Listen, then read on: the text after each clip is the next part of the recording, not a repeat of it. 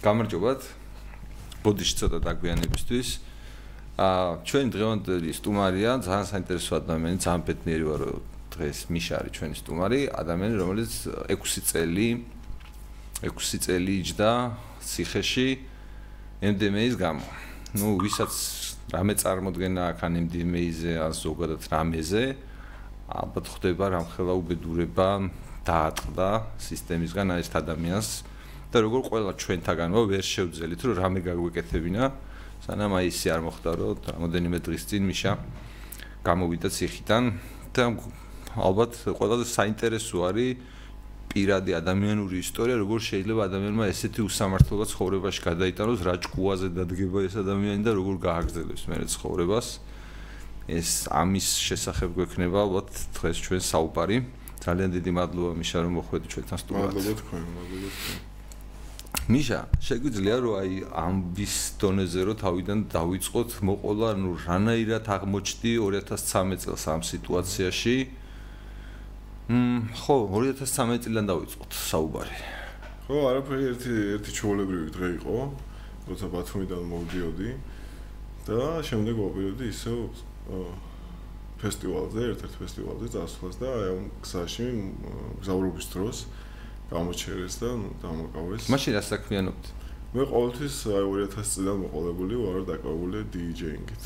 ანუ მუსიკოსი ხარ? DJ ხარ? აჰა. მოდიოდი ბათუმიდან და ნუ გზაში დამოკავეს მოკლედ. MDMS ფლობისთვის 12 გრამი MDMS ფლობისთვის. და რა მეინტერესებს? ანუ შენ აი სუფთ ადამიანს როგორი განცდა გქონდა? ანუ თქო დამოკიდებულება ეს დიაგრაზალური ნივთიერებების მიმართ როგორი გქონდა მაშინ? და როცოგად როგორი პრაქტიკა შენს სფეროში ასეთი დრაგების მიმართ ანუ ეს კლუბურ ნარკოტიკებს ეძახიან ანუ ადამიანები ამას ჩვეულებრივად მოიხმარენ ისეთ დროს როცა ერთობიან ისვენებენ და ეს არის ნარკოტიკები რომელიც იდეაში შეჩუვას არიწოს და ცოტა ხნის წინ საკონსტიტუციო სასამართლომ შეიძლება ცოტა გაუგებრათ მაგრამ თუ რამეს აზრს დავატანთ მსგავსი ტიპის ნარკოტიკებზე თქვა რომ ამის გამო ადამიანებისო ციხეში დაჭერა და თავისუფლების აკვეთო არ არ შეიძლებაო. ანუ ეგეთი დრაგია რა, ანუ ესეთი ნარკოტიკია. თუმცა ჩვენი კანონმდებლობა ამას არ ცნობს და ყველა ყველაფერი ერთ ქვაფში აქვს მოხარშული. თუმცა ნუ მოკლედ აი ეს ეგეთი სიტუაცია. როგორ დამოკიდებულება გქონდა და შენს გარშემო რა ხდებოდა ასეთ ნარკოტიკებთან მიმართებაში? ნუ არაფერი, ჩვეულებრივად ალბათ როგორც ყველა ახალგაზრდა რაღაც ასაკობრივ პერიოდში დადის კლუბებში და ერთობიან, იგივე დამოკიდებულება მქონდა მეც, შეიძლება ითქვას ცოტა უფრო ხშირი მომხმარებელი ვიყავი. მაგრამ არც მაშინ და არც ეხლა არ მიმაჩნია, რომ ამის გულისთვის შეიძლება რომ ადამიანებს ცხოვრება წავართვათ. მიუხედავად მაშინ, როცა ვლაპარაკობთ, რომ ადამიანებს დახმარება ჭირდებათ, ნუ რეალურად მე შემიძლია ვთქვა მე დახმარება არ ჭირდებოდა, მე დამოკიდებული არც ყოფილი ვარ სიმართლე გითხრათ, რაიმე სახის ნარკოტიკზე, მაგრამ თუ აღიარებთ და ვთვლით იმას, რომ ჩვენ უნდა ვიზრუნოთ ხალხზე, ვინც ამოტყუფები არიან და მათ შეცვლას და მათ ხო, ჩვენ ხო მაგაზე ხარ ვლაპარაკობთ, ანუ ჩვენ ვლაპარაკობთ ადამიანებზე, რომელიც მათ შორის ესეთ შენ შემთხვევაზე რა, რომელიც დამოკიდებული ვერ იქნებოდი ფიზიკურად და პლუს ამის ზიანის თვალსაზრისით ვინმესთვის შეგეძლო, როდესმე ზიანი. აი, ეგ ეგ არის ყველაზე თუ რაიცი მე როცა დამოკავეს მ არ მიფიქრია ის რა ის თუნდაც რაც არ უნდა იყოს რომელ ქვეყანაში წავიდა წავიდეთ. რეალურად ეს 12 გრამი MDMA რა რომელიც მე მქონდა ასე თუ ისე გარკვეულწილად უმეტეს ქვეყნებში დასჯადია. მაგრამ დასჯადია რაღაც ადამიანურ ფარგლებში და არა ისევე არ გიუდება რაღაც ძალადობრივ მუხლებთან და ყველობებთან და რაღაც სისასტიკესთან რაც არის როცა ერთი ადამიანი მეორე ადამიანს რაღაცას უშავებს და ზიანს აყენებს. ხო აქ პირდაპირ შევიჯახე მე უსამართლობას, რომელიც უსამართლობაში საკმაოდ ბევრი წელი მომიწია ყოფნა რა. მე ყოველთვის ვიზახდი რომ მე დავაშავე კანონი მაგრამ ვარ არაადეკვატურად დასჯილი და არ ვიმსახურებ დავისაჯო ისევე როგორც კლელი და მოძალადე რომელიც განზრახ მიდის და რაღაც თვითონ კანონზე რას ფიქრობ? აი დააშავე აი სიტყვა დავაშავე რას ნიშნავს? დავაშავე იმას ნიშნავს რომ მე ხო ვიცოდი რომ კანონში ამის გულისთვის მე დამიჭერდნენ და მოხდებოდი ანუ რეალურად კანონს ვეთანხმები თუ არ ვეთანხმები კანონი არსებობდა და მე ვიცოდი რომ ეს კანონი არსებობდა და ამის გულისთვის შეიძლება რომ მე დავსჯილიყავ მაგრამ ვფიქრობდი რომ ადეკვატურად დავიჯეოდი თუ დავიჯეოდი და არა რაღაც რეალურად ასე ხომათაც არ ვიცოდი რაც ასჯელი შეიძლება და ყოფილიყო ამაზე აა არა ზუსტად მასე კარგად გარკვეული არ ვიყავი. სიმართლე გითხრათ რომ 9 წლით თავისუფლებას წამორთებდნენ ნახეთ არ ვიფიქრია მაგის გულისთვის მიუხედავად იმისა რომ მე არც გამსაღებელი ყოფილვარ და არც რეალიზატორი ყოფილვარ და რა მსგავსი მიშა სულ მაინტერესებს ხოლმე. აი წარმოიდგინე რომ ეს რაღაცა შენ ბევ ნუ ალბათ ბევრს ეხება მაგრამ ძალიან ცოტა ხმა ურდება ხოლმე და კი. თქვა შენი შემთხვევის შესახებ დიდი ხანია მსმენია მე. კი. ანუ აი რატო მოხდა შენ შემთხვევაში ისე რომ აი 6 წელი მოგიწია და ამ პერიოდის განმავლობაში უამრავჯერ რაღაცა ალბათ ადამიანები შეიწყალეს რა რაღაცები ხდებოდა ნარკოპოლიტიკასთან მიმართებაში მიდიოდა კი ბატონო კი ბატონო შემიძლია დუღილი ხო და ანუ შენ არაფერი არ შეგეხო აი რა შეასაკმე შემიძლია ვილაპარაკო. რა პირველი ინსტანცია რაც იყო ჩემი როცა გამასამართლებენ იყო ერთი ამბავი ის რომ გამეკეთებინა საპროცესო შეთანხმება რის საფუძველზეც მომწოდენ 4 წელს მომიშინა ну მე ისე მოხდა რომ ვერ შეძლო ჩემო ოჯახმა ამ თანხის გადახდა და თქვი თუ არის თანხის გამო. თანხის გამო ხო თქვი თუ არის და აქთან გამომდინარე მომისაჯეს 9 წელი. ხა არიან ხშირ შემთხვევაში ადამიანები საპროცესოს აკეთებენ და შესაბამისად დაბალი სასჯელები აქვს და ესეთი საქმეები არ ხმაურდება, იმიტომ რომ ასე თუ ისე ორივე მხარე კმაყოფილია ასე თუ ისე დაბალი სასჯელით და ნუ არ ხმაურდება, მაგრამ რეალურად არიან ესეთი ადამიანები, რომლებიც მსგავსად ჩემ როგორც მე, იგივე იგივე ამბავში არიან და იგივენაირად განისტიან და იგივენაირად უსამართლოდ ისჯიან სასჯელებს რა რეალურად და მე ყველაზე მეტად გული მწება რა იცით? როცა იქიდან მოსახედიდან უყურებ მაგ ყველაფერს ადამიანებს იმედი ერთმევად ხო ხდებით იმედი ძალიან მნიშვნელოვანია. იქ სხვანაირად არის პატიმარი მაინც რაღაც სხვა ემოციურ მდგომარეობასთან არის დაკავშირებული ბევრი რამე იცვლება ადამიანში იქ როცა არის და იმედი ერთადერთი რჩება რასაც შეიძლება ესე ვთქვათ ხელი ჩაკიდო ხო ხელი ჩაკიდო და იცხოვრო მაგ იმედით როცა იგი იმედით გიცრუდება ხო ვფიქრობ რომ საჟელზე საჟელი ემატებათ ადამიანებს. რა გარდა იმისა რომ უბრალოდ ვართმევთ თავისუფლების უფლებას და არიან გამოკეტილები ადამიანები მორალურადაც ინგრევიან იმით რომ რაღაც დაპირებები მიდის ლაპარაკი მიდის აგურდება თითქოს რაღაცა უნდა შეიცვალოს და მე ყველაფერი ჩერდება და აღარავინ არ ლაპარაკობს. ეს იმედი ისე მიდის და ნუ ეს დამატებითი სასჯელია ადამიანებისთვის რა გარდა იმისა ხა ჩემ შემთხვევაში ხო მე რო თქვი თავიდან რო თქვი რომ ნუ ვიცოდი რომ მაგის გულს დავისჯებოდი მაგრამ მე დაახლოებით რამოდენიმე წელიწადი არც შეწყალების კომისიისთვის მიმართავს, არავის არ მიმართავს, იმიტომ რომ რეალურად მივიჩნევდი თავს დამაშავეთ ხოლმე მქონდა რაღაც ის აკრძალული ლიმიტირება რის გულთსაც მოხდი ციხეში და ნუ პასუხისგებლობა ავიღე და ვიხდიდი საჯელს ხო, მაგრამ რომ გადავწდი რაღაც ყოველ გვარ ზღვარს და რომ მივხვდი რომ ადამიანებს. ეგ ზღორი დაახლოებით იყო ჩემი სასჯელის ნახევარი რომ მოვიხადე შეწყალებას პირველად მაშინ დავწერე ეს არ დამეწერე 4 წელი ნახევარი იყო დაახლოებით გასული როცა მე პირველად მიმართე შეწყალების თხოვნით პრეზიდენტს. ნუ თუმცა უარი მივიღე მაშინას და მის შემდეგ რავი ამდენჯერ რა იცი ყველაზე მ პირველ გულახდილად ვილაპარაკებ რასაც ვფიქრობდი რა რომ ყოველ ჩემ შეწყალებას ისე მოხდა რომ როცა მარგოლაშვილი იყო პრეზიდენტი ყოველ ჩემ როცა მეულოდებით შეწყალებას ყოველთვის დაემთხვა ისეთი გახმაურებული საქმეები მაგრამ რო აი რაღაცა რაღაცა მოკლა რომელიც პრეზიდენტო მარგოლაშვილმა შეიწყალა. ყოველ ჩემ შეწყალებაზე ემთხვეოდა ესეთი რაღაცები რა მე მე მოკარი ყური იმას რომ ნუ აზრის ხალხის აზრს ყურადღებას ვაქცევთო და ნუ მნიშვნელოვანია ხალხი რას ფიქრობს. მაგის მაგითა გამომდინარე მე ჩემო მეგობრებმა გააკეთეს კომპანია მეთანახმავარ. რომ გვეჩვენებინა პრეზიდენტისთვის რომ ადამიანები არ არიან ჩემს წინააღმდეგ განწყობილი პირიქით ყველა თანახმა რომ მიხაილო მაგალითად შეიწყალოს პრეზიდენტმა და შეუეცადეთ ამ კუთხით დაგვენახებინა საზოგადოებრივი აზრი ჩემს შესახებ რა არც ამან არ იმუშავა. ну მე საბოლოოდ სიმართლე გითხრათ ხელი ჩაუიქნიე რა ვერ ვიტყვი რომ შევეჩვი იმ სამართლობას რა სამართლობაში ვიყავი მაგრამ მე ვფიქრობ რომ მაქსიმუმი გავაკეთე რაც შემეძლო გამოკეთებინა მაგრამ ეხლა როგორ გამახვედი ანუ ეს ეხლა გამოდი სამაჯურით ამას იგივე ქვია შინა პატიმრობა. ეს უკვე ეხება თვითონ საჯარო ახსოვების სამინისტროს რა იუსტიციის სამინისტროს დაქვემდებარებაშია სადაც კომისია სპეციალური რომელიც კომისიას განიხილავს საქმეს მე დადებითი პასუხის შემთხვევაში, დახასიათების შემთხვევაში ზეპირ მოსმენაზე გეძახიან. ანუ შიგნით სისტემამ გამოგიშვა თავისი შიდა წესებით. დიახ, კი. კი ბატონო.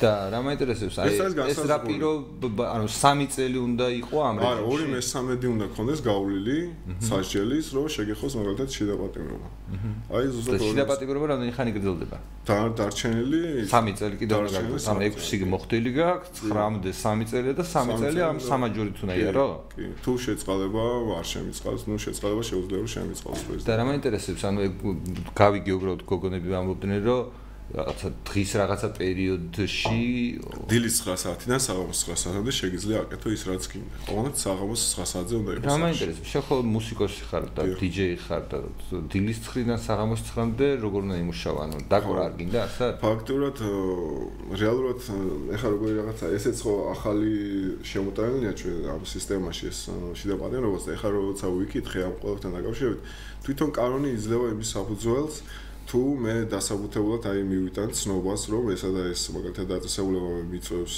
სამუშაო და გარკვეული დროით მაგალითად 12 საათიდან პირველ საათამდე ამ ცნობის საფუძველზე არის შესაძლებლობა რომ მომცენ უფლება რომ მაგ დღეს კონკრეტულ დღეს წავიდე და ვიმუშაო. აჰა. ხოლო ჯერ პრეცედენტი არ ყოფილაო ესე მითხრეს, მაგრამ გავიგე. ანუ მოკლედ რაღაც თვალსაზრისით ადამიანური გადაწყვეტილების მიღების შანსი არსებობს. არსებობს, კი, კანონი იძლევა მაგის საშუალებას, ნუ შემდეგ ნახავთაც. ანუ კეთილნებაზე და დისკრეციაზეა დამოკიდებული. გასაგებია. ამიტომ თვითონ ამ ციხეში ყოფნის პერიოდმა როგორ როგორი გავლენა იქონია შენზე, რაზე ფიქრობდი, როგორ შეიცვალე? ანუ შექსვლი და ყველავარი ალბათ, ხო? ხო, შემცვალა, კი, არ ვიცი მე ხა მ ან მოასტარი გააზრება რა გამოხდი? კი, კი, კი, კი, მოასტარი რა იცი ძალიან ბევრი დრო მქონდა იმისთვის რომ მეფიქრა რეალურად მე ჩემი დრო მქონდა მაქსიმალურად ათვისებული რა. რა საკეთებდი ციხეში? აა ციხეში გარდა იმისა რომ მუსიკას წერდი, მუსიკას ვაკეთებდი, მაგ გარდა მაგისა ჯგუფი ვიყავით, ესე პატიმართა ჯგუფი გავაკეთეთ, რომელსაც სოციალური ცვლილებებისთვის ქვია. დავწერეთ პროგრამა, პროექტი, უბრალოდ რომელი პროექტიც შემდეგ ევროკავშირო დააფინანსა და ну დაახლოებით ესეთი რაღაცა ფრილანსერის ვარიანტი გვაქვს. გვაქვს აღჭურვილობა, ესე პატარა ოფისივით გაკეთებული და უღებულობთ, ღებულობდით მე სამ იქ ვიყავი, გარედან შეკვეთებს და შინით ვაკეთებთ შეკვეთებს უმუშაობთ ოფიციალურად რა. რამდენი ადამიანი ყავით? აა 6 ამ 6-დან ახლა უკვე სამი ქარეთ ვართ. ორი მე და კიდე ერთი ჩემი მეგობარი ორივე სამაჯურებით ვართ გამოსული და ერთი პევეგეთი იგრა არის? უდო იგივე უდო. ანუ შეგიძლიათ გარეთ გააგრძელოთ ანუ რა გარეთ ახლა მოითხოს ხო ეგ მუშაობს იმიტომ რომ გარეთ ახლა ოფისიც ოფისიც გვაქვს ახსენილი და ნუ შეკვეთებს აკვღებულობ და ამ შეკვეთებს ვანაწილებთ მე შეგვაქვს იქ დაწესებულებაში და ბიჭები იქ ღებულობენ და მუშაობენ იქ ძალიან მაგარი რაღაცა რაც კაიკეთებიათ თვითონ ციხეში ალბათ დაგეხმარა ხო გადატანა კი კი ძალიან ძალიან ძალიან. რა იცი იქ ჩვენ შევიკრიბეთ რამოდენიმე ადამიანი რომლებიც სულ რაღაც ერთაზე ვიყავი და სულ რაღაცას მუშაობდით მაქსიმალურად მიზნად დავისახეთ თავიდანვე რომ დრო არ გაგვიყვანა პირიქით გამოგვეყანებინა რაც შეიძლება ისე კარგად რომ შემდეგ ეს გამოიწლები რაღაც ცხოვრების და კარგულწლებად არ ჩაგვეთვალა რა შავლაკად არ ყოფილიყო რა. ანუ ინტერნეტი ქონდათ არა, ინტერნეტი არ ქონდა. უბრალოდ ის მეხსიერების ბარათები შემოდიოდა უბრალოდ ფლეშკები. აჰა. და ეგ იყო ჩვენი ინფორმაციის წყარო. და აპარატურა პროექტით მიიღეს თუ თქვენ? პროექტით მიიღეთ, კი, დაფინანსებით ვიყიდეთ ყველაფერი. ეს ადამიანებიც მუსიკოსები იყვნენ? არა, მუსიკოსები არა, ეს ადამიანები სხვადასხვა პროფესიის ადამიანები. Ну არ ყველა ძირითადად ვცდილობდით გარდა იმისა ხა მეც კი მუსიკა ჩემი ცალკე ის ქონდა სტუდია მქონდა მუშაობდი მაგრამ მეც ვყავდა ადამიანები ვისაც სწავლა უნდა და იმ ჩემ ცირეოდენ ცოდნას უზიარებდი სხვებსაც ანუ მოსწავლეები ვყავდა იქ ვასწავლდი აი პროექტებს ვაკეთებდით ერთდროულად რაღაც მუსთერაპიას ვატარებდი პატიმრებისთვის. ისე აუდიო ვიდეო პერფორმანს ვაკეთებდი ჯგუფი ჩამოაყალიბე, თეატრალური დასი ჩამოაყალიბე, თეატრი დაუდგით რუსთავის თეატრში ქონდა პრემიერა. და მოკლედ სულ ესეთ ამბებში ვიყავით რა მაქსიმალურად რის საშუალებაც იყო ვაკეთებდით ყველაფერს. ანუ სერიოზულად კარგად გადაგიტანიათ 6 წლიანი მე სულ რაღაც 10 დღე გამოვკეტეს და კიდაღამ არ გავგიჟდი და 6 წელი 6 წელი ვერ წარმომიდგენია როგორ შეიძლება და მე რა მიკროს აი მოდი გულწრფელად გეტყვი რა აი ხარ რომ თქვი რომ ვიცოდიო რომ კანონში ესე წერია და დამნაშავე ვიყავი აი თუ რამე მაგიზიანებს და თუ რამე მაგიჟებს ხოლმე მაგიჟებს აი ეგ დამოკიდებულება კანონის კანონის მიმართ რა ადამიანების რომ აი წარმოგიდგენ კანონში რაც არ უნდა სისულელე ჩავწეროთ ან ჩაწერონ რამ შეიძლება რაღაც ჩაწერონ და ну ცხოვრება სხვანაირად არის რა მოწყობილი. შეხო სინამდვილეში მაგას მეუბნები რომ ეს მთელ ევროპაში სადაც არ უნდა იყოს მნიშვნელობა რა ჩემთვის არა აქვს მაგალითს ანუ შინას რო შევხედოთ რა.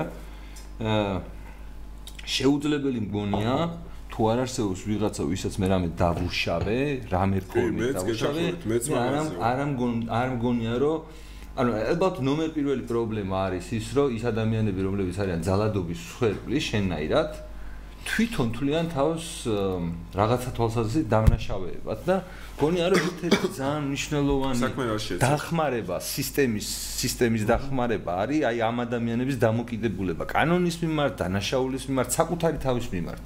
აჰა არ ფიქრობ ესე? კი ვფიქრობ მასე მაგრამ ერთ საქმე რაშია კანონს თუ მე არ ვეთანხმები. ხო თუ მე კანონი არ მოვწოს უნდა ვიბრძოლო იმისთვის რომ ეს კანონი შეუცვალო მაგრამ სანამ კანონი კანონობს ის კანონობს ჩემთვისაც მოხდა აი ეგ ამბავი იყო რადგან მე ვიცოდი რომ ეს ეს იყო და კანონი კანონობდა მიუხედავად იმისა რომ მე არ მივიჩნევ ამ კანონს საერთოდ არა ადამიანურად მივიჩნევ ну реально მე ვიცოდი რომ ამისთვის დაუჯებოდი და ავიღე და ისჩავდი ჯიბეში და დავისაჯე. მაგრამ ეს ხვალ იგივე გავაკეთებ? ხვალ იგივეს არ გავაკეთებ, ხვალ გავაკეთებ იმას რომ ვიბრძოლებ რომ ეს იგივე სხვას არ დაემართოს. რომ იგივე არ გაიაროს სხვამაც. და შეხო იცი რომ ყოველ დღე ხდება ეგ ამბავი. ანუ ხო ყოველ დღე, ანუ სინამდვილეში ხო ყოველ დღე ხდება რა. ყოველ დღე ხდება ეგ ამბავი, მაგრამ რა იცი მე თელი ეს პერიოდი ვიყავი გამოკეტილი, ხო ხდება ჩემი ინფორმაციის ერთადერთი წყალო იყო ტელევიზორი რა. ან თუ ვინმე მეგობარს ურეკავდი. მაგრამ შესაბამისად იმდენი კითხვა და ამიგროვდა ამ პერიოდის განმავლობაში უბრალოდ პასუხგაუცემელი კითხვები დამიგროვდა. რომელზეც ჭირდება პასუხები. აი რას რა არის ეს? რა, იცი, მე იქნებ რომ უყურებდი, ხედავდი ყველაზე ცუდი რაც არ მომწონდა, ხედავ რაღაც ადამიანების კატეგორიას, რომელი ადამიანების კატეგორიას თუ სადმე უსამართლობა, ხოლოდ ის რაოდენობა, რაღაც რაოდენობა დადის რა, მაგალითად ავიღოთ პირობითად 10000 კაცი. სადაც რაღაცა გადასაჭიროა, სადაც რაღაცა სააზროვნოა, სადაც რაღაცა უსამართლობასთან გვაქვს პირდაპირ საქმე.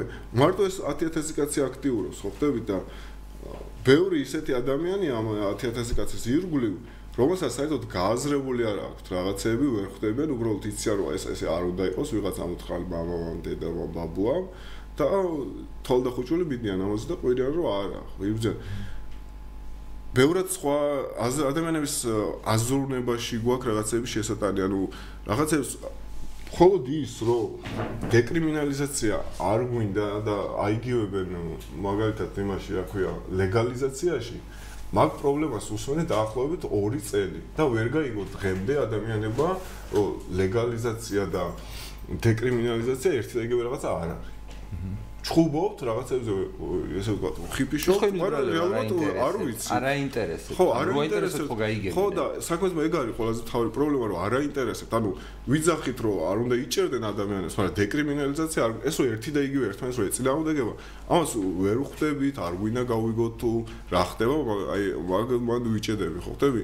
ანუ სხვა სხვა ის რომ ჩვენ გამოვიდეთ და ყვირივოთ რომ რაღაც შევცვალოთ შევცვალოთ შევცვალოთ არ გამოდის ესე ყვირილით რა ადამიანებში თავში შეხწევა საჭირო რაღაცების დაღეჭვა ჭირდება ზოგს, იმიტომ რომ ვიბრძვით იმისთვის, იბრძვიან ადამიანებისთვის, რაც არიციან, რომ მაგისთვის არ ღირს ბრძოლა, ანუ სისულელეა ხო ხდები, გაუღაზრებლად მივდივართ და რაღაცებს ვაკეთებთ რა. აი ამან ყველაზე მეტად დამღალა, იმიტომ რომ აი ხედავ ადამიანებს უნდათ რაღაცა გააკეთონ სწორი გზით მიდიან, მაგრამ რაღაცა ძალა გამოდის და ეს ძალა ყველაფერს ფარავს, ახშობს და აშავებს რა. რამე ანუ სოლუშენი რამე მოხარ მოიფიქრები, ანუ ხო კარგი ფიქრია რა შეიძლება იყოს აი ადამიანი აი მიფიქრია კი რა იცი მე თავს მოვალეთვლი რა, მე ძალიან მინდა და მოვალეთვლი თავს რომ ის რა გამოცდილებაც. მე ხა ბევრი რამე ვიცი ისეთ რაღაცები რაც შიგნით ხდება მაგალითად ციხებში და პატემრებში და ადამიანების გონებაში ხდება რაც პატემაში რაც გარეთ არ ხდება. ხვდები რაღაცა ცოდნა დამიგროვდა ამ პერიოდის განმავლობაში რომელსაც ვფიქრობ რომ გარკვეულ ადამიანებთან ერთად ჩამოაყალიბებ და რაღაც ისეთ ფასეულ ზონამდე მივიყვანთ, რომ ანუ ჩემი წვლილი მინდა რომ შევიტანო რამეც ამ საქმიანობაში, რა მინდა რომ არ დაისაჯოს ისე ადამიანები, როგორც მე დავისაჯე, ისე უაზროთ რა. და თუ რამე შეუძლებ მე ამით რომ გავაკეთო ჩემი წოდნი და ჩემი ჩართულობით მზად ვარ კი რა მოვალეთ თავს. იქ და ისე მე მაგალითად მე რო ყოფილიყავი შენადგილზე მე არ წარმოგიდგენ არა მაგრამ როგორ გაუბრაზდებოდი თუ არ გაუბრაზდებოდი სამყაროზე სხვა ადამიანები. აი ეგ ეგ პერიოდი ყველაფერი გამოვიარე რა. ყველაფერი გამოვიარე გაბრაზებების გამოვიარე იმედგაცრუებების გამოვიარე ყველაფერთან ჭიდილი და ბრძოლა მომიწია სიმართლე გითხრათ. საკუთარ თავთან პირველ რიგში. და აი ზუსტად ეგ არის რა ეგ ინფორმაციის არ ქონა ყველაზე დიდი კითხვები რომელსაც პასუხს ვერ ცემ ყველაზე მეტად ტანჯავს და ტანჯავდა მთელი ეს პერიოდი რა რეალურად, იმიტომ რომ ვერ ხვდებოდი ადამიანებს, ვინ სიმართლეს მეუბნებოდა, რომ ვრეკავდი ვინ, ვინ თავის უბრალოდ წარმოდგენით ამბობდა რაღაცა, ხო ხდები? აი ვერ არ ვიცი, ჯერ კიდევ კითხები მაქვს მეორე და ვერ ვერ ვერ ვერ შევივსე ის გონება ამ კითხვის პასუხებით რა. და თვითონ აი რეალურად რა ხდება ქვეყანაში ვერ ხვდები რა. ხო, თავი პრობლემა ხო ეგ არის. თავი პრობლემა ხო სანდუჩი. იმდენი რამე ხდება და თან ვერ ხდება, ხო ხდები? გვინდა რაღაცები უქნათ, სახელმწიფოს უნდა რაღაცები შეცვალოს, ყველა იბზვის რაღაცისთვის, მაგრამ რაღაც კონკრეტულამდე ვერ მივდივართ. სადაც ვიკარგებთ, ვიწყებთ, ვიწყებთ, ვიწყებთ, მე ვიშლებით, ვიწყებთ, ვიწყებთ, ვიწყებთ, ვიშლებით და აი ვერ ხვდები რატო რა ხდება სად რა რაღაც სექტებია როგორც ვატყობ კიდე დაჯგუფებებია ის ყოველას თავისი ვინ რას ავალებს როგორ კეთება ვინ მართავს ამ ყველაფერს. ანუ საერთოდ არ ვიცი არაფერი ხო ხდები და ყველაფერი მაინტერესებს. სანამ რაღაცა მსჯელობას დავიწყო და ფიქრს დავიწყო. ანუ მე ვფიქრობ და რაღაც აზრები გამომაქ იქიდან რა ინფორმაციაც მაქვს, მაგრამ ჩემი ინფორმაცია ძალიან წირია, ვფიქრობ და ჯერ ადრეა რომ რაღაც აზრები გამოვიტანო იქიდან და ვილაპარაკო იმ იმებს, იმ აზრებს. კი ბატონო, აი სანა არის ლაპარაკეთ, მაგრამ რაღაც მოქმედება უნდა დაიწყო, რა ცხოვრება ახლიდან უნდა დაიწყო. ანუ ეხლა რასაპირებ, თქვათ როგორი კონკრეტული რაღაცა გეგმები გაქვს, რომელიც რაღაცნაირად გაგაცნობს ახლიდან ცხოვრებას. აა ჩემი კონკრეტული გეგმები პირველ რიგში უკავშირდება მუსიკას ისე და ისე. აა ძალიან ბევრი დრო მქონდა, როგორც წეგან აღნიშნე, იმისთვის რომ მეფიქრა, მაქვს ძალიან ბევრი პროექტი მაქვს დაწერილი. მმ რომელსაც ვერ ხორციელებდი იქ გარკვეული შეზღუდვების გამო და ვფიქრობ დარჩენილი ჩემი ცხოვრება უნდა დაუფრო ამ პროექტების განხორციელებას აუცილებლად. მუსიკა გასაგები, ან მუსიკა ისეთი რაღაც აი პერსონალური რამე, პროფესია, რაღაც ცხოვრება, ხო? და შენ წეგან ამბობდი კიდე რომ აი ცხოვრ, ანუ ქვეყანაში რა ხდებაო და ჩემი მოვალეობას არის რომ რაღაც ანუ მე არ გამოვდგები რაღაცა მუსიკაში რომ გამოყვერო რასაპირებ, იმიტომ რომ მოусმინე გუშინ შენ რამოდენიმე ტრეკს და ну ეს ისეთი ისეთი სტილის მუსიკა რომელსაც მე სხვა დროს არ უსმენ ხოლმე ყოველდღიურობაში ანუ მაგაში მაგაში ვერა ვარ ეს მაგრამ აი რაც შეეხება საზოგადოების ცხოვრებას აი ესეთი ადამიანის რომ რომელიც ფაქტობრივად ახლან იწებ რა რაღაცნაირად ანუ რესტარტი უნდა გააკეთო. და მათ შორის ამ რესტარტში მე რას გულისხმობ იცი რომ თუ მუსიკას მიყვები იგივე ინდუსტრია ხო? ანუ შენს გარშემო ყველაფერი ის რაც შენ თავს გადახდა იგივე რაღაცა მოხდება ანუ მე ამჯერა რომ ვინმე რაღაც კანონის გამო რამეს შეწყვეს ან შეცვლის ქცევას.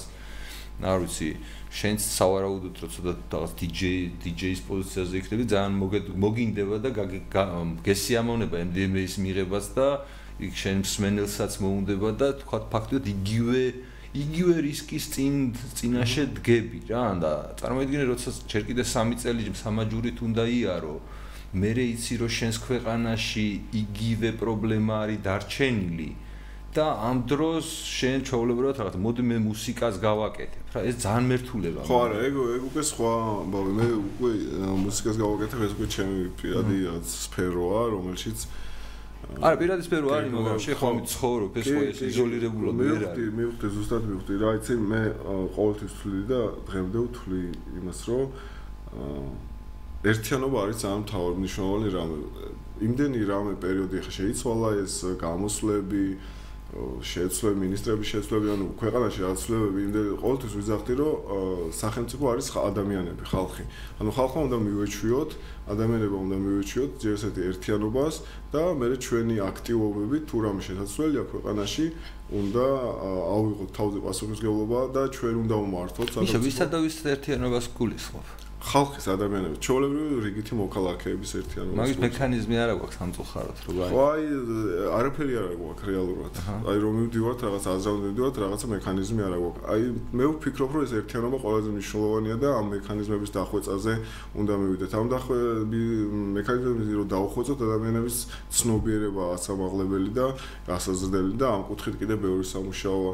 აი ამ მიდგომის მომხრე ვარ მე უფრო რომ ვიმუშაოთ ამ კუთხით რომ ადამიანებს გაუგებინოთ, აუხსნათ რაღაცები, რაც არის მით, რომ არ არის ესე, რომ ჩხუბობ და ყვირი ხარ, რეალურად არის შენისთვის. აი ეს რაღაცა აი 2017-ის, ну 16-ის ბოლოს მარიხანა რომ დავთესეთ, ხო?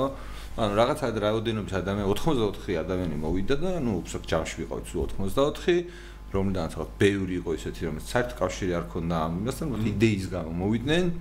ჩვენ ის გავა პროტესტეთ ფაქტიურად ჩვენ მაშინ ვიყავ 8-დან 12 წლამდე იყო თუ რაღაც ესეთი იყო ამ დანაშაულზე და სისტემამ სისტემამ თვალები დახუჭა რა.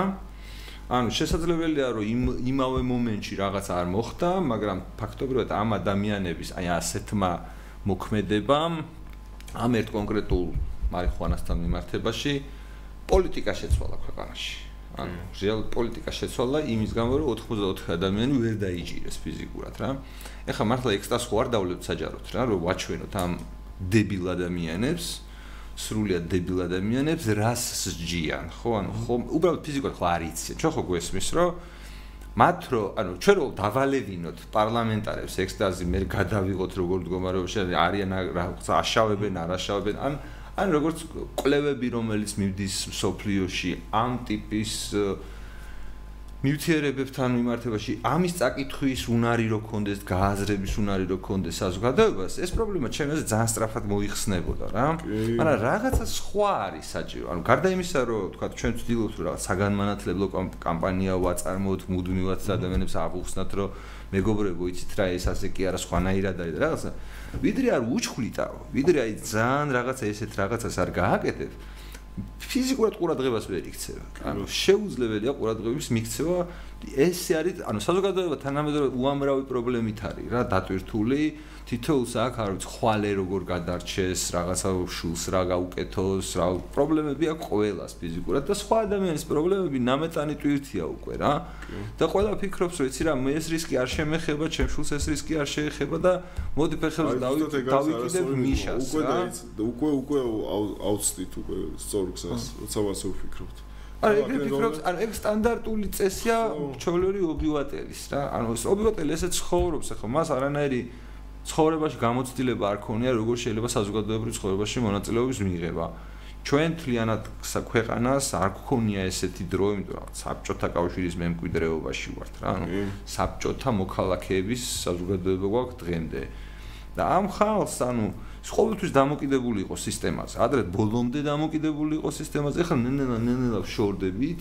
ანუ იმდენად აღარა ვართ რაღაცნაირად დამოკიდებული და თქვა ეს გვაძლევს საშუალებას, რომ ჩვენ ვილაპარაკოთ რაღაც კი ხანდახან რაღაც დაგვიჭერენ რაღაცას იზავენ რაღაცას იზავენ მაგრამ ნებისმიერ შემთხვევაში სიტყვის თავისუფლება გვაქვს და ეს სიტყვის თავისუფლება გვაძლევს მოქმედების შესაძლებლობასაც რა მაგრამ აი ამავე დროს ძალიან მნიშვნელოვანია ხოლმე ესეთი ადამიანური ისტორიები ადამიანური ისტორია ყველაზე ძლიერად მოქმედებს მე მგონი საზოგადოებრივ აზრზე.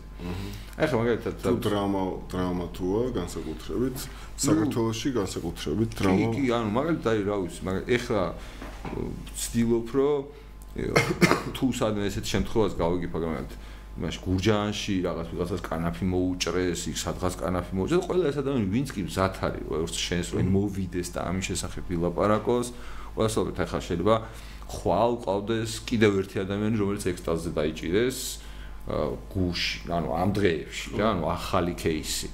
და მასაც ხო ფაქტობრივად, ანუ უსამართლობის მასშტაბი რო წარმოვიდგინოთ, აი, ყველამ რო წარმოიდგინოს, რომ აი საქართველოში ვისაც ექსტაზი გასინჯული აქვს, ვისაც ექსტაზი ანწავს სახში უდევს, ვისაც ხვალე აპირებს ექსტაზის ყიდვას და ასე შემდეგ, ხო? ამ ადამიანებმა რომ წარმოიდგინონ, რომ შენი მომავალი ანუ უბრალოდ შენი ისტორია მათი მომავალი შეიძლება გახდეს. კი, კი, ზუსტად ეგ არის. ხო, ხო სხვანაირი ემოცია ექნებოდათ.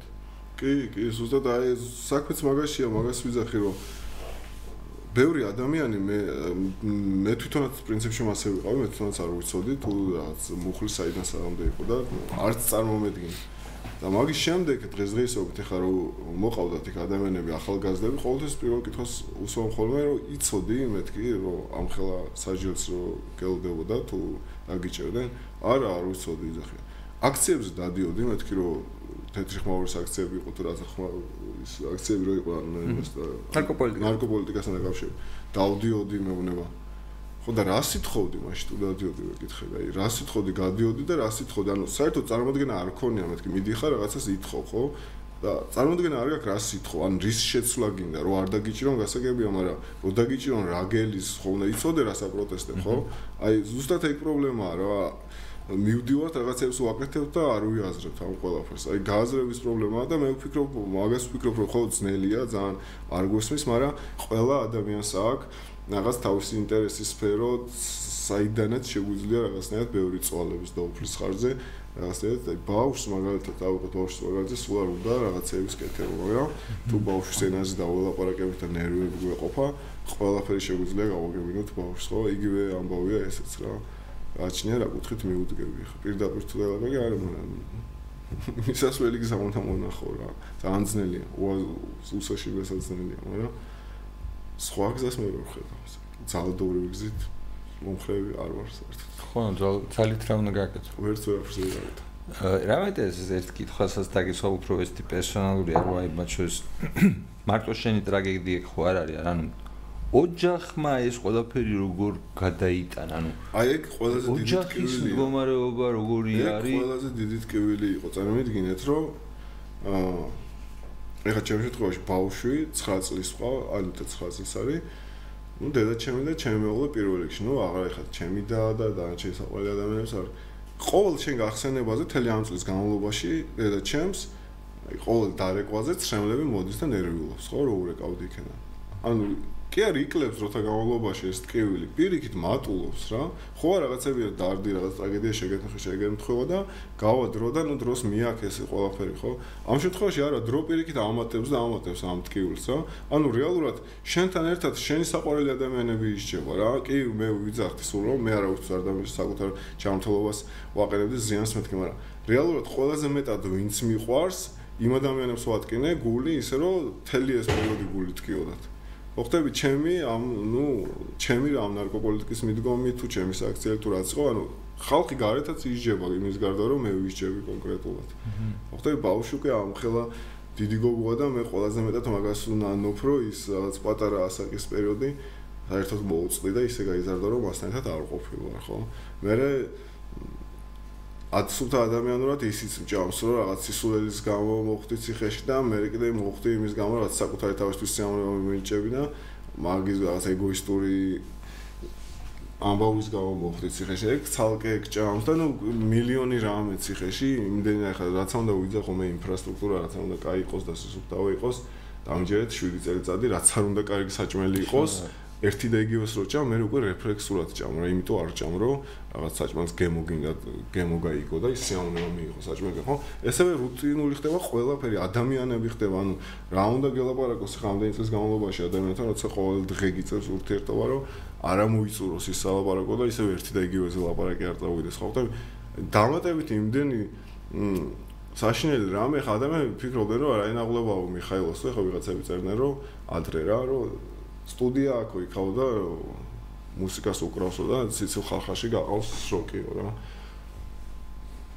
რა იცი არც ეგ არ არის ძნელი რა მე თუ მუსიკას ვაკეთებდი ბევრ საკუთარ თავთან ძალიან ბევრი ბრძოლა დამჭირდა იმისთვის, რომ რაღაც ის რეფლექსები და ის ფიქრები და ის მონატრება და ის რაც მაწუხებდა ეს ყველაფერი რაღაცნაირად გვერდზე გამეწია და მარტო კონცენტრირებული ყოფილიყავი მუსიკაზე და მეკეთებინა მუსიკა. ხო ხტები რაღაც საკუთარი თავში რაღაცების დაბლოკვა ვისწავლე, იმიტომ რომ სხვა გზა არ მქონდა და ესე ბევრი რამ რა გზა და იმედგაცრუება, რავი, რამდენი რამე შეხვდა ამ წლების განმავლობაში.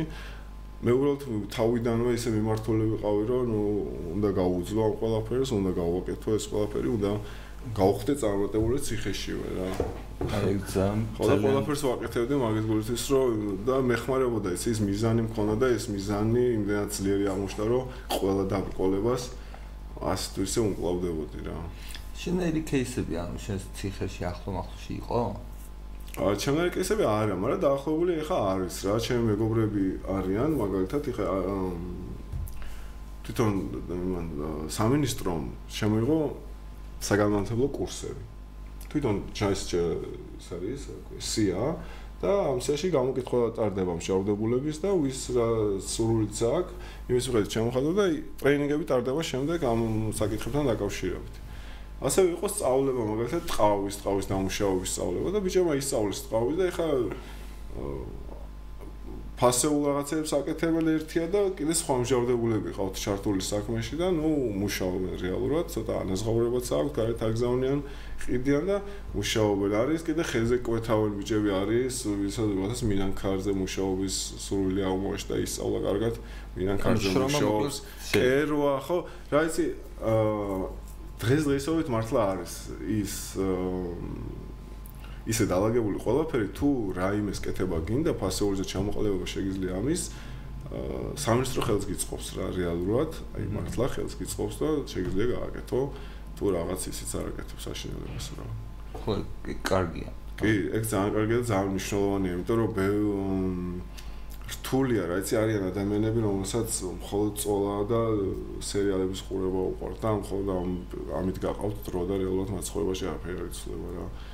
არიან ადამიანები, რომლებიც მასე ფიქრობენ, მაგრამ აი წამოიქნებ ცადო, იქნებ საინტერესო რაღაც ჩაიყოლებს და წაიყვა ერთხელ წაიყვა ორჯერ, მე აინტერესებდა ბევრი ეგეთი ადამიანი, ახლა დღესობით მუშაობს და შეიყვარებიან საქმე, რომ გარეთაც აპირებს გააგრძელოს იგივე საქმიანობა და ნუ ცხოვრობს რეალურად ცოტა სახსაც ოჯახსაც ეხმარება. აი ეს ნიშნავს ესეთ რაღაცები ძალიან მნიშვნელოვანია რა თან სხვაც ხედავს სხვაც მოდის მე ცოტა აზროვნება რაღაც როცა არაფერთან რჩები და ფიქრობ უაზროდ მხოლოდ იმაზე, როდის გავაწლები და როდის გავალ აქედან დაავადებულები გამოდიან ეგეთი უმეტესობა ეგეთი ადამიანები, ანუ მალევე ბრუნდებიან უკან რა. ნარკოდანაშაულების ბევრია? კი, საკმაოდ ბევრი. და როგორი ნარკოდანაშაულები ანუ ძირითადად კლუბური. კლუბური ნარკოტიკები. ანუ ფაქტობრივად ეხა იქ რო ვიყავი, ხუმრობდით ხოლმე რა. ეხა ბოლოს გვინდოდა ვერ ვესრო ბოილერ რუმთან ხოდა მოლაპარაკება რომ ბოილერ რუმი შემოსულიყო და ციხეში დაგეკრა? ხო, ციხეში დავიკრა, გავუკეთებდი და რაღაც აქციასავით ქონდა რა მოფიქრებული და აა აუ აზრი გამიხსე ხა უნდა მეთქვა და მოწყო. ქონდა მოფიქრებული მაგათ შემოყანა და ხო ხო მაგათ შემოყანა ქონდა და ის მაიკლი მიცა იმათთან დავაბარე რომ მეთქი არავინ არ ჭირდება მეთქი ხოლმე თვითონ შემოვიდეს და ოპერატორები შემოიყოლოს, იმიტომ რომ მეთქი დაცვის უფროსი, ტუსოვშიკები, ყველა მეთქი აქ დიჯეის მე ვარ აქ ვარ და მთელი კამანდა აქ არის, მეთქი უბრალოდ კამერებით მოდით ტუსოვკას გაგიხურებთ. ისეც რომ მეთქი გარეთ ვერ ნახავთ. ყველა იქა ხო მე ეს ბასიანის დაშლა და ისინი ხო მაგროს ვის დაიჭერს თითქმის ყველა იქ იქ მოიყვანს რა. და დღეს იქ არიან? იქ არიან კი. ანუ მაშინ ხო მაშინ შემოიყვანეს უღაც გოგონები რომელსაც ციტრამონს თუ რაღაცას ყიდნენ თუ რაღაც ესეთ უცნაურ ხო უცნაური რაღაცას кейსებიც იყო რა მაინტერესებს ძი? ანუ სინამდვილე შეწარმოდგინეს უგვაქ მე მგონი, ну თუ არ ვწდები 10000-მდე ადგილი რა ციხეში. და ну რომელშიც არის მოძალადეებიც და ყველანაირი რა. და მომხმარებლები სულ მცირე, ყავს 300000. სხვადასხვა აკრძალული ნივთიერების მომხმარე შეიძლება მეტი ყავს, ნუ 300000 ნაღდად ყავს რა. ანუ ფაქტობრივად გამოდის, რომ არსებობს იმის შანსი, რომ ესე იგი, რამდენი გამოდის 30-დან 1 ადამიანი ჩავსვათ. ანუ აი საერთოდ ყველა რო გამოვშოთ კვლელები, მოძალადეები, ყველაფერი და მარტო ნარკომანებს 30-დან 1 ადამიანის ადგილი გვაქვს ციხეში. ანუ ეს იმას ნიშნავს, რომ ფიზიკურად აღუსრულებელია ამ ტიპის კანონმდებლობა, ანუ ვარიანტი არ არის რა. ან ამ ხალხმა უნდა გადაიფიქროს და თავი დაანებოს ყველაფრის მიღებას, ან ვერ დაიჭერ. ან რა სხვა დააჯარიმებს შეიძლება საპროცესოები გაუკეთო, ეგეთი რაღაცები გაუკეთო. ანუ ფაქტობრივად ეს კანონ კანონმდებლობა აღუსრულებელი არის, რაც არ უნდა სისტემა მოინდომოს. მე მგონი აღარც აქვთ და მაგალითად გაერო სხვადასხვა ქვეყნები მე მგონი მთელ სოფლიოში მოტრიალებულია მიმართულება ნარკოპოლიტიკის ცვლილების და ყველგან მიდის რაღაც ლიბერალიზაცია სხვადასხვა ადგილას სხვადასხვა ფორმით. კი, კი, კი. და ამ ტრენდში ვარიანტი არ არის ჩვენ არ ჩავჭდეთ და მე მგონი შეიძლება უცნაური ფორმებით, მაგრამ ძვირად კიდეც რა. თუ მაგალითად როდისღაც უფრო მკაცრი იყო ეს რაღაცა, ეხლა უბრალოდ გადმოვიდა კლუბურ ნარკოტიკებზე. შესაბამისად უბრალოდ შეიცვალა ის ნიუტრიენტები, რომელსაც მე და გადმოვიდა რომ რეალურად თუ უბრალოდ მასე ჩამე არ მგონია რომ ეხლა ძირითადი აქცენტი კლუბურ ნარკოტიკებზე იყოს და ის მომხარებლები ძიმე ნარკოტიკების მომხარებლები სადმე გამქრალები. არა, გამქრალები არ არიან. ცხადია გამქრალები არ არიან, მაგრამ გონია რომ პოპულარობით უფრო როგორც ვატყობ, ეხლა როგორც მიყვებიან, ბევრად უფრო ხელმისაწვდომი გახდა ყველაფერი რა, ადრე ხო. მე როცა დამიჭირეს, მაშინ 12 გრამით რეალურად ვარ, იმიტომ დაჭერილი რომ 2 გრამს ვერ ვყიდულობდი და მომიწია 12 გრამის ფული უნდა მქონდა რომ მეყიდა და ვიყიდე ნუ თლიან 12 გრამი და ვარ მაგიტო 12 გრამი. დღესდღეობით როგორც რაღაც შეხვალ ზაიცაც მისამარძე სადაც გინდა იმ მისამარძე დაგიდებენ, ვიდა რომ ჩახვალ აიღებ. ხოთე მე ვფიქრობ რამდენადაც ეს უფრო გამარტივებული იქნება, მით უფრო დაკარგავს ადამიანების ინტერესს რა. მი რაც უფრო აგრძალული იქნება და რაც უფრო დაჟჯადი იქნება, პირიქით ხდება ხოლმე, როცა მოგონი სტატისტიკას გვაჩვენებს მაგას, რომ პირიქით ხდება უბრალოდ უფრო უწოდება ადამიანებს და უფრო რაღაც გაგიჟებულები არიან, ვიდრე მიუშვი და ის მოსაწევზეც რო ატყდა ერთი ამბავი ყველა სადარბაზოში ეწევიან, ესე ისე მაგრამ დაწყნარდა ხო? ნუ ერთი წელია რო განსაკუთრებული ქართული სიტყვა ჭირს ყოველთვის რა. ორ უკიდურესობას შორის ვიუძდან საშინელებაში ვარდებით, ანუ საერთოდ არაფერში შუაში გვიჭირს სიარული. ყველაზე თავარი და ისეთ საინტერესო რაც არის შუა უფრო შუალედი, მაგას მაგასთან ახლოს არ მივდივართ. ან იქით ვართ, ან აქეთ ვართ. და როგორ ფიქრობ, როგორ იქნება სწორი? ანუ რა იქნება, აი მაგალითად ეხლა რო იძახი რომ თქვა მინდა რომ ადამიანებს რაღაც გავაკებინო, აი ესე რომ შენზე რო იყოს დამოკიდებული, თქვა როგორი უნდა იყოს ნარკოპოლიტიკა ქვეყანაში. რა უნდა გააგებინო ადამიანებს? ო, აი მე რაც მე რაც თვლი, ჩემ საკუთარ შვილიც რო იყოს, როცა მე ჩავთვლი, რომ და როცა დაველაპარაკები და მე რო ჩავთვლი, რომ მან გაიგო ყველაფერი, მე რაცა უხსენი, რომ რამდენად სუდია, რამდენად რა, რას როგორ აზიანებს, რა შედეგი მოაქვს, რა საკეთებს, ამ ყველაფერს რომ მე ჩემ შვილს გავაგებინებ, რამდენად დაწუნებული ვიქნები, ყველაფერი გაიგო, აი მე რაც უნდა ის უქნია. ხო ხტები? მე მე იმას აღარაფერს არც დაუშვი. აღარც არაფერს არ უწევ. უკვე თავის თავის პატრონი ის არის და თვითონ გარკვევს, მაგრამ მე მოვალევა რომ მას გავაგებინო, რომ ეს არის ესე, ამას დაგიზიანებს, ამას გააფუჭებს, ნუ რამდენად სუდია ეს ყველაფერი.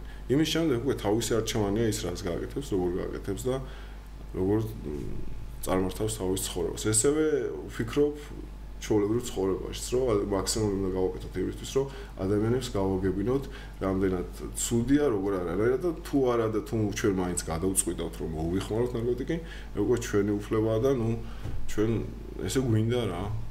პასუხისმგებლობა შენი. პასუხისმგებლობა შენია რა თქმა უნდა. მე ესე გადავთე თავარია, არავის ზიანი არ მივაყენო, არავის ოდნავაც არ შევეხო, არ ვიზალოდო არავისზე, ჩემს საკუთარ თავს მე თუ ესემს გადავწყვიტე, კი არ გადავაწყვეტე ნავანტყოფობა. სრული ანუ ფხიზელი გონებით გადავწყვიტე რომ ეს მირჩევნი ამის კეთება მინდა ხა ეს მაინც შეეუნება და ცხოვრებაში სხვა არაფერს კეთება არ იყოს ის ისეთი და აკეთოს ის რაც უნდა. ნიშნული თავარია სხვა სარავის არ შეეხოს და ზიანი არ მიაყენოს. აი ყველა განვითარებულ ქვეყანაში მასე ხდება ხა მე ვამბობ რომ შეიძლება დაჟადი იყოს ყველგან რაღაც გარკვეული რაოდენობა, მაგრამ ის რომ შემომხონებელი ხან. შენ შესაძლოა იცი რომ აქ ვერ იმუშაობ რაღაც კონკრეტულ სამსახურებში ვერ იმუშაობ რაღაც პასუხისგებლობას ვერ აიღებ და მიუხედავად ამისა თუ მაინც გინდა რომ იყო ეგეთი? იყავ რა პრობლემა იყავ შეთვის რატო მიჭე რატო მართო ხო რატო რატო კლაჰაო მაგის გულისთვის თუ არავის არაფერს არ უშავებს საკუთარი თავის გარდა ხო, ეგეც ცოტა საკამათო საკითხია, როდის უშავდა, როდის არ უშავდა, რა ხოჭებს დაშავდა. ხო, ეგ უკვე ხო მეორე საკითხია. მე ვიზახი, როცა უშავებს, აა მოვიხმოთ რაღაც ძიმეს აზოვე ნარკოტიკს და ნუ წავლობთ რეალურად თავს და ვიცით რომ რამოდენიმე წელიწადში აუცილებლად შედეგი გვექნება საშინელი და არ ფიქრობ რომ ეგეც იგივე ნარკოპოლიტიკის თემაა, ანუ წარმოიდგინე რომ ხელმისაწვდომი იყოს ნუ შინაარსობრივად როგორც ძიმე ნარკოტიკები, ისე რაც მსუბუქი ნარკოტიკები ადამიანებს ხო მეტი შანსი აქვს რომ ნაკლებ მავნებელი ნარკოტიკები აირჩიონ რეალურად. ანუ მაგალითად სადაც ხდებოდა თქვა კანაფის ლეგალიზაცია იქ იკლებს ძიმე ნარკოტიკების მოხმარება, სადაც ხდება დეკრიმინალიზაცია პორტუგალიაში, იკლებს საშიში ნარკოტიკების, ანუ მართლა ჯანმრთელობისთვის სარისკონად ნივთიერებების მოხმარების ალბათობა წყლებულობს. რაც მე ჩემ თავი და ჩემ თავზე გამოსილებით გეტყვი, რომ ხანდახან რომ ვფიქრობდი ხოლმე და ჩემს განმცხოვრებას რომ ანალიზებდი ხოლმე. აა ერთადერთი რასაც მივხვდი ხდებოდი რომ მაშინ არ ვფიქრობდი. უბრალოდ ის ფსევდონიმი რასაც ვაკეთებდი, გაბრუებული ვიყავი და ეგ იყო და ეგ რა, არანაირი ინფორმაცია არ მქონდა და არც ის ვიცი ვინმეს რომ მოეწოდებინა ინფორმაცია, იმას გავიგებდი თუ არა მაშინ რა. მოვისმენდი თუ არა საერთოდ, ანუ ცალყურში გავიგე მეორე ყურში გავუშვა ამას ვიზამდი თუ რა, მაგრამ მე მაინც ვფიქრობ რომ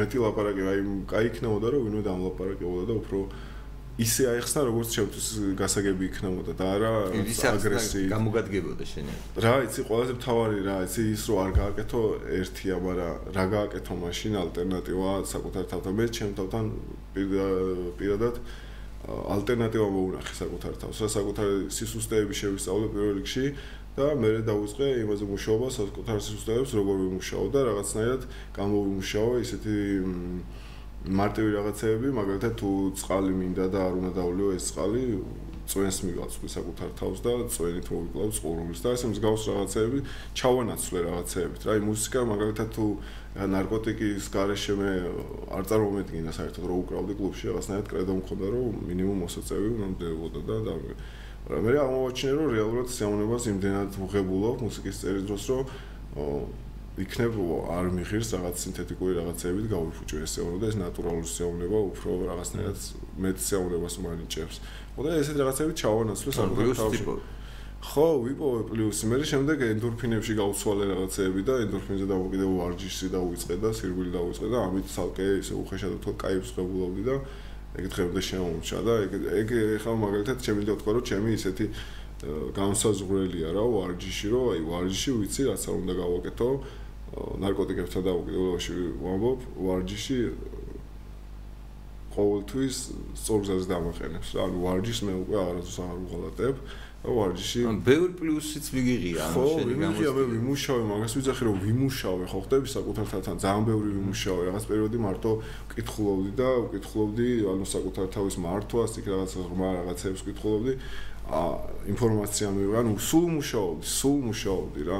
მეზიზღებოდა დრო როცა უბრალოდ წავწავოდი და არაფრის საკეთებელი დრო აი რა მეკეთებინა ეგ არ მიყვარდა ყველაზე მეტად რა. სულ სულ რაღაცას ვაკეთებდი და დროც კარგად გადიოდა სასარგებლოთაც. ძალიან ძალიან ძალიან კარგი ისტორია ჩემი აზრით. რომ აი რა ყველაზე ძიმესტაციაში სუპერუსის ხო მურტალი ის იყო რომ აი რაღაც პროექტებს გავაკეთებდი რაღაცებს მოვიფიქრებდი რაღაცებს იმას ვიდამდი და ირგვლივ ისაც შემოვიკრებდი ხალხს ის ხალხი ყოველთვის უცებ გადიოდა და მე ვრჩევოდი ყოველთვის მარტო. რა გადიოდა სულ გაი თავი თავისუფლებოდნენ რა მიდიოდნენ მე ვრჩევოდი მიდიოდნენ სულ ყოველთვის. და მე ისე ეწერებოდნენ ჩემთან ამოსვლას რომ გამოსვლელი ის გაქონდა ოთახი. ცოტა ხანი შემოგვიშვი აი ძალიან საინტერესო იყო შენი ისტორიის მოსმენა რაც თავარი და რაც ძალიან გამიხარდა თავარი ის იყო რა რომ მორალურად არ დაეცი და მორალურად ანუ ეს საკუთარი თავისთვის დახარჯე ეს წლები ნაცვლად ტაინჯვისა კი კი კი. და რა იცი თავარი ისიც არის რომ ხელშეწყობა მქონდა ამ ყველაფერზე. რა მე კი მონდომული ვიყავ მაგრამ აი ელემენტარულად ის რომ ეს ოთახი არ გამოიყოთ ჩემთვის თვითონ ადმინისტრაცია სადაც ნება არ ყოფილიყო ამის. მე ვერაფერს ვერ ვიზამდი მაგრამ ამის ნება რომ დღესდღეობით არსებობს ყველას მაგას მეუბნები რომ დაფიქრდი იცი მოდიან და მეუბნებიან ეხა რომ ნუ ტელევიზორში ნახეს იქ ვიძახ როცა ციხეში ვიყავი რომ აი დრო იწელება, დრონელა გადის, რა თქმა უნდა. მეთქი აი სულ ყოველას ეუბნები ერთ რამს რა. მე არ დამჭირდა ბევრი დრო იმისთვის, რომ მიმეგნო იმისთვის რისკეთება მინდოდა ცხოვრებაში რა. ესე მეუბნებოდი ყოველას, რომ დაფიქრდება რისკეთება კიდე რასაპირებობს, რომ გახვალაქინო რა. ან რასაკეთებდი რომ და გიჭირეს ხო ხდები? მიაწექი იმას ბოლომდე რა, აკეთე ის განავითარა ის რის რამე აირჩიე და აკეთე ის რა და დრო გავა ძალიან უცებ და სასარგებლოდ რა. თავარია მოძებნე ის რის კეთებაც გინდა რა. ძალიან საინტერესო რჩევა. ხო, ამას თუ ნახავ და არ დაუტოვებ საკუთარ თავს რაღაც უაზროებზე, ოცნებებს და ფიქრებს, ყველაფერი ძალიან კარგად წავა და სასარგებლოდ რაც თავარია რა. აუ ძალიან მიხარია რომ ეგეთ განწყობაზე ხარ და დარწმუნებული თუ მასე გაიგე. ხო რა, იცი ძალიან ძალიან ძალიან ცოტა რა. როელურად რომ დაუფიქრდი მართლა ხო? გაზრეული ცხოვრებისთვის მართლა ძალიან ცოტა დრო გქონია რა. ძალიან ცოტა დრო გქონია, რამდენი 35 წლამდე გამოვიდეს ისეთი. მოხდები უკვე ჩამოყალიბებული რა ხარ და ვაზროვლებ. ანჩე სულ რაღაც უაზრობებთან ერთად გვიწევს გატარება, გინდა არ გინდა რა. იქიდან 70-დან თუ 35-დან კიდე ციხეში 9 უნდა გამეტავე და რა მჭებოდა, რა ფერი არ მჭებოდა და ძალიან დამენანა დრო მეთქი არა, არ არსებობს. რამდენი წელი ხარ? ეხა 35. იწავა მართლაც თავისუფლება, მაგრამ შიდა თავისუფლება დავითოვე მაინც. მოგეთ დიდი მადლობა ჩვენთან სტუმრობისთვის და ძალიან საინტერესო ისტორიის მოყოლისთვის. მე იმ ნაწილში როგორც მინიმუმ რაც შეეხება ციხეში ყოფნას, ბევრისთვის გონია რომ ძალიან სასარგებლო იქნება. ხო, თავარია, ხო, თავარია რა იცი რომ რა მაგარი ცუდი არის ის რომ იქ კონსერვში ხარ. ინფორმაცია ძალიან ცოტა გაქვს, წირი რაც იქ ტრიალებს მარტო ის ინფორმაცია გაქვს. და დროთა განმავლობაში თუ არის მუშაობ საკუთარ გონებასთან გიკონსერვდება გონებას რა. აი პერიოდი გადის და ეხლა ცოტა მე მგონი სიტყვები მოვიცდებოდა რაც იმ რაღაც წლების განმავლობაში არ დამჭიროებია სიტყვა ხო? ვერ ვიხსენებ ხოლმე აი ლაპარაკში მინდა რომ თქვა ის სიტყვა და ვიჭედები. ვერა ვერა ვერა ვერა ვერ ვიხსენებ. ანუ რეალურად რაღაცები გავიწყდება იქ ძალიან ქვესნობერში ძალიან შორს გადის და აღარ აწუდის აქეთ ინფორმაციას და ანუ უნდა იმუშაო, მაგიტო არ უნდა გაჩერდე რა, არ უნდა ჩაგითრიოს რა, იქა იქა ურბა რუტინა რა. აი ამან ყველაზე მეტად დამღალა რომ მაგას იქ არ გავყოლოდი რა, არ მესმინა იმ ადამიანებისთვის ვის მოსმენაც არ მინდოდა მაგალითად. და ვცდილობდი მაქსიმალურად რაღაც სულებით გონება არ შემოსო რა. და ეს კითხვა მუსიკის კეთება და რაღაც ვარჯიში ვარჯიში ну ფაქტობრივად რაღაცნაირად აქ დროსაც ხო დროს ხო მიაქვს და მათ შორის ემოციაზე მოქმედებს რა. კი, ემოცია აი ვარჯიში არის ძალიან მთავარი ძალიან მნიშვნელოვანი, იმიტომ რომ ვარჯიში მართლმადდა თელს ჩემს უარყოფით იმას ენერგიას. აი სულ ყველაფერი უარყოფითი აგრესია იყო რა, ყველაფერს მართლმადდა, ყველაფერს ვიცლებოდი ვაგისგან ვარჯიში და მე როგორ შვიდათ ვიყავი თელიდან წამოწოგოდი, წაიკითხავდი, ის არც ფოთვები გექნება, არაფერი, კარგად ხარ, ჯამთელად ხარ, ცოცხლად ხარ. და პროდუქტიულიც ხარ, რაც თავარია რა. ან დღის ხარ მე ცხოვრობდი ისე როგორც უნდა მეცხოვრე. რამდენს მუშაობდი, მაგალითად აი სტუდიაში რამდენს გადაგე. ხო, აი ეგ ეგ ეგ იყო რა, იმადას ვიყავდი 11-ის ნახევრიდან 2 საათამდე მქონდა სტუდიაში დრო და მე რა შემდეგ მე გამოსულიყავით და 3 საათიდან 6-ის ნახევრამდე. ანუ დილის 11-ის ნახევრიდან 2 საათამდე და შემდეგ 3-დან სადილი იყო ალბათ. ხო, ხო. მაგ იქაც ხდება ლიმიტი, მანდაც რობოტივით ვიყავი რა, ეხა დილის 11 საათზე რო გადავდიოდი, ხანდახან არ ვიყავი საერთოდ ხასიათებით, რომ მუსიკა რაღაც მეკეთები და ანუ რაღაც დაწყებული პროექტი რაღაც ტექნოლოგია მეკეთები, მაგრამ უნდა გავაკეთო, ვიცოდი, უნდა გამეკეთებინა და ვაკეთებდი რა. ყველაფერს ვაჩერებდი ეს. მაგრამ დღემდე დღემდე რა იქ სამ ვიყავი, ერთ იმას ვერ მოვერია, რომ ხო ვიყავ სტუდიაში ჩაგედელი მუშაობდი, შემოწყვეტილი ვიყავ ყველაფერს და უცებ კარები გიკაკუნებს რომ მორჩა. მივდივართ. ყოველ ამ ორჩაზე ვღებ პატარა მინი მიკრო ტრამვებს ღებულობდი. ყოველ, ყოველ ვერ გადავიჩვე იმას, რომ ციხეში ხარ და სულ წახვიდე, მოხვიდე. ბახდა უცებ აზემოდი ხარ, ხო ხტები თუ ციხეში ხარ ეს ყოველ ყოველ დღეში ორჯერ ის მქონდა, გამოწერილი მიკრო ტრამა. კი მინდა დამემთავრებინა, მაგრამ მაინც მაინტერესებს. აი იქაური სტაფის დამოკიდებულება როგორი იყო? ხო იცნობდი ამ ხო შეიძლება შენი ისტორია იცოდნენ როგორ მუშაობდი მაგას უყურებდნენ წლების განმავლობაში და ამან რა ურთიერთობა ჩამოგიყალიბა აა ვერ გეტყვი რომ მაგან რაღაცა გაკოვლი ის როლი თამაშა უბრალოდ ხედავდა რა ასე აი მაგალითად საცხოვრებელაც корпуსი ცალკე იდგა და სადაც სტუდია იყო მეორე მხარეს იდგა. ან უნდა გადაგიყვანოს თვითონ თანამშრომლობა და გადმოგიყვანოს. მე დღის განმავლობაში ეზოში საერთოდ ვერავინ ვერ მხედავდა, იმიტომ რომ წლების განმავლობაში შეიძლება რაღაც 2-3-ჯერ თუ ავად ვიყავი, მაშინ გამესტინა და სტუდიაში არ წავსულიყავი რა. და შესაბამისად ეზოში მე ვერ მხედავდა ადამიანები დღისით რა ყოველ შემთხვევაში. თუ გამოვშევოდი დღისით ეზოში ვიყავი, ყოველას უკვირდა რომ რა ხდება, ჯამთან ხარ, სულად ხო არ ხარ, რატო არ ხარ სტუდიაში. ანუ ეს ჩემი შრომის მოყვარეობა ასე თუ ისე თვითონ თანამშრომლებშიც დადებითად აისაღა ხო ხტები იმით რომ მიზან დასახული სულ მუშაობს შრომობს სიმართლე გითხრათ ყველას უკვირდა თვითონ თანამშრომლებსაც ყველას უკვირდა შენ რატო არ გიშვებენ შენ რატო? პატრონებს თავიდან ახლა პატრონები მოსულა ბევრი და უთქვა რომ შენ ეხა სამაჯურით არ გაგიშვან ჩვენ რაღაც იმედი უნდა გქონდეს მაშინ რა ან ჩვენ აბა რაღა უნდა ვთქვათ მაშინ შენ თუ არ გაგიშვები ანუ იმდენ რამეში ხარ ჩართული იმდენ რამეს აკეთებ მაგის გარდა ყველა სასწავლო რაც იყო ტრეინინგები რაც ისე ასე თუ ისე საინტერესოდ მიმეჩნდა ყველაფერი დამთავრებული მაქვს. საერთოდ სერტიფიკატებიც მაქვს მაგათ ზოგი ორჯერ და სამჯერაც დავამთავრე რომელიც მომეწონა რომ ჯგუფი შეუკრიბე ისე და გავაგრძელებინეთ უბრალოდ იმას მასწავლებას და იგივე კი არ გავამეორებინეთ იგივე ჯგუფი დაურჩით ერთ ჯგუფში და შემდეგ ეტაპზე გადაგვიყვანებთ თხოვეთ რა. იმიტომ რომ თქვენ ახევენ სამთვიანი კურსებია რა ასე. რა მოგეწონათ ეს?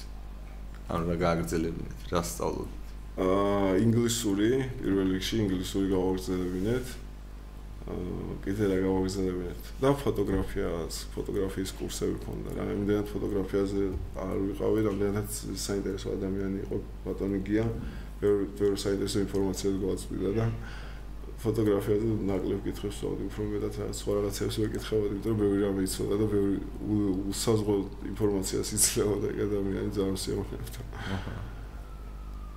ვარი არ მახსოვს რადგან პროფესორი. ანუ ესე იგი ფაქტობრივად იქ აი იმის გამო რომ ამის შესაძლებლობები გაჩნდა რომ ვიღაცებს ესწავლათ და რაღაცა ანუ ფაქტობრივად შენ შეგიძლია რომ რაღაც საკუთარი ინიციატივითაც დაამატებინო კურსი რაღაცა ისწავლო და კი კი კი ითხო რა იცი ხო რაღაცები შეიძლება ხა სხვა დაწესებულებებში არ ვიცი მაგრამ ვიცი რომ დღესდღეობით არის იგივე სურვილი რომ ყველგან ერთნაირად იყოს.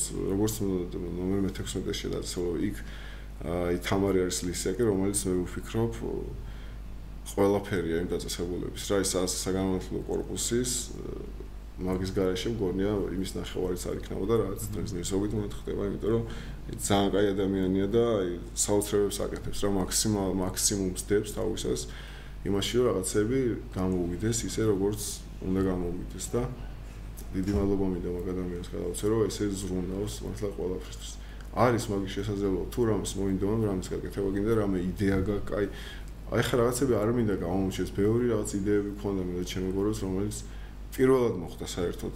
მოხდებით იმაში პენიტენციურ სისტემაში. საერთოდ არ ყოფილა არასდროს ესეთი რაღაცები გავაკეთეთ. პირველად მოხდა თუნდაც ბევრი უმეტესობა რაღაცები რაც გავაკეთებია ჯერ ადრე არ მოხდა რაღაცები ხო და არის ეგ ამბავი რა რომ თუ რაღაცა გინდა გააკეთო მაგას ვიძახოთ ვიძახდი სულ რომ რაღაცა თქვენი ახალგაზრდებო რაღაცა ქენით მე კაი წავალმანი თქვენ რაღაცა მოიფიქრეთ ნუ გაჩერდებით რა ვიშვი არ გაჩერდეთ იმიტომ რომ არის საშუალება რომ რაღაცები აკეთო რა თუ მოგიო თავში აზრად შეგიძლია რომ ესეთ რაღაც ჯიგრული კრეატიული რაღაცები გააკეთო ზოგადად მეძახდი ფულის შოვნის ვარიანტია და ანუ სახში ანუ შენს გამოიმუშავებდი შენ მე რა მქონდა იცი მე მე და ცალობებ ჩემო ანუ ყველაფერი ჩავდეთ ჩემს იმაში რა ქვია ამ მუსიკალურ ამბავში რომ მე წარმოტებას უნდა მიმახცე მე მაქვს ხა მე-9 ალბომი გამოვშვი იქიდან მაქვს ურთიერთობა იაპონიაში ლეიბლებთან, ორ ლეიბლებთან, ინგლისში, ბერლინში, აუ ბევრგან მოკლედ რა. აა ხო და ისინი რა ფულსაც მაძლევდნენ მაგალითად ტრეკებისთვის, ალბომისთვის, ყველა ფულს იქვე ვაბრუნებდა, ისევ სინთეზატორებს ყიდულობდა, ისევ რაღაცა რას ჭირდებოდა გაძლიერებისთვის და რაღაც კა იმაში ისევ ვაბრუნებდი. დიდი არაფერი, მაგრამ მაინც იყო ისეთი კაი ხალხი, რაღაცებს მიგზავნე საჩუქრებს. აჰა. ну ფაქტობრივად შენი ანუ სამუშაო ინსტრუმენტები კი ყველაფერი ჩემი მე თვითონ პირველად დავიწყე იმით რომ ჩემი მანქანა გავყიდე და იმით ვიყიდე დინამიკები, რაღაც მონიტორები, რაღაცები და ნელ-ნელა ნელ-ნელა შევავსეთ ყველაფერს. ანუ ციხემდე როგორ მუშაობდი? ციხემდე არ წერდი მუსიკას. არ წერდი. ანუ იქ ის უბრალოდ უკრავდი, ხო. იქ იქ რადგან ვერ უკრავდი, ალბათ მაგიტო რაღაც ყველაფერი მიუმართე მაგისკენ რომ დაწერა მისალა და დავიწყე წერა იქ. მაგრამ თუმცა უკრავდი კიდევაც. იქ. რა ის პატიმრები თქვი რაღაც კონცერტის კონდა მათთანაც თუ უშუალოდ როგორც მუსიკოს შესაძლებლობა რომ ამ კონცერტზე ჩაგიტარებინა კი. კი კი კი კონდა ან თვითონ დაწესებულება უზრუნველყოფდა ასეთ ღონისძიებებს? ხო. ჩვენ ნებას გვაძლევდნენ და დანარჩენი ჩვენ ყველაფერი ისე ქონდა ჩამოწერილი გაკეთებული. ერთადერთი მაგათი ხელშეწყობა ის იყო რომ ნება მოეცათ რომ ეს ყველაფერი გავუკეთებინა და და თავარია შენ მოინდომოდა იქ გაკეთებინებენ რა თუ რა თქმა უნდა რაღაც უსაფრთხოების ზონებს არ ცდება და რაღაც ჩარჩოებს არ ცდება. ეხლა უნდა დაგვიწყდეს ისიც რომ ხა პატიმარი რო ვიყავი, არასდროს არ დამიწყებია ერთი წუთითაც არ დამიწყებია და არც არავის დაჭიროებია იმის შეხსენება რომ პატიმარი ვარ და რაღაც თუმცა ხელშეწყობა მქონდა რა თქმა უნდა მქონდა ის რომ ამდენ მუშაობდი ელექტრონავტებზე ხო გამიყვანეს მე სპექტაკლზე სპექტაკლი დავდგით იქაც გამიყვანეს მე ხა ბოლოს კიდე საათას ვიყავი აა ხო იმაში იმედის დილაში ვიყავი დილით ეს ეს მოდარ შარტები ხომ მქონდა და აი მნიშვნელოვანია რა თუ ვინმე ხედავს ხა ბევრი მეუბნება რომ შენი ინსპირაცია ხარ ჩვენი გარეთ ვერ ვაკეთებ თუ აგდე რაღაცას. თავარია რომ რავი რა და თავის სიყვარულია რა მაინც. თავის სიყვარული ყველაზე რა გიყვარდა იქ? მ აუ არ ვიცი იქ რა მიყვარდა აა არ ვიცი. იქ არაფერი არ მიყვარდა სიმართლე ცხოვრება ხო გიყვარდა ცხოვრების გამორშვებოდი მაგას აა საერთოდ საერთოდ როგორ არ მიყვარდა ჩემი ცოლი და ჩემი შვილი მიყვარს ყველაზე მეტად და აუ ეგენი რო გარეთ მელოდებოდა და იქ იყო ყველაზე ჩემი ესეთი ძალა და მეორე სიცოცხლე და ყველაფერი ეგ იყო ჩემთვის რომ აი მაგათვის უნდა ყოფილიყო მიხაილო მაგათვის არის მიხაილო რა რო არის.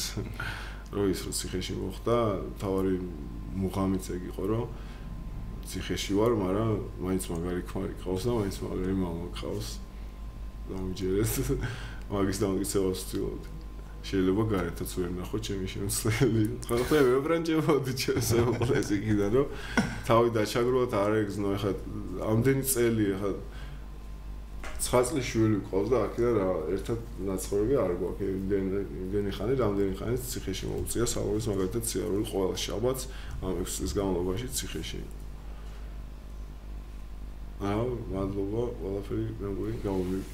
მადლობა ძალიან დიდი შენი ისტორიისთვის. მეგონი მართლა ბევრი ადამიანისთვის შეიძლება ეს იყოს ინსპირაცია. ხო რა იცი თავარი იმის კომენტოდა რომ ეს ნარკოტიკები ყველაფერი კი იყო შეწყვებაში მაგრამ სულ გვიან გავიგე რომ სამყარო ბევრად უფრო ლამაზია და ბევრად უფრო ბევრი რამე შეგვიძლია არის დასანახი ცხოვრებაში და მოსასწრები სანახავი და მისაღები და სახსექმელი ვიდრე მაშინ წარმომედგინე რა და იმდენი სასიამოვნო რაღაცეებია ცხოვრებაში თუ სწორად ხედავს ვისწავლით ამ ყველაფრის არ მოვიწყოთ არასდროს. დიდი მადლობა. მოგითხა სალომე სანიტას. აიხენ და მაგ ყველანაირ წარმატებას გისურვებ ამ თავისუფალ ცხოვრებაში და რა ვიცი. იმის კომპენსაციას რა ტრაუმას მიიღე, თუმცა იმ ტრაუმის კომპენსაცია შენ თვითონ უკვე გაგიკეთებია შრომით და ცხოვრების მიმართ ეს დამოკიდებულების შეცვლით. წარმატებები მიშა. აიხარე. Thank you.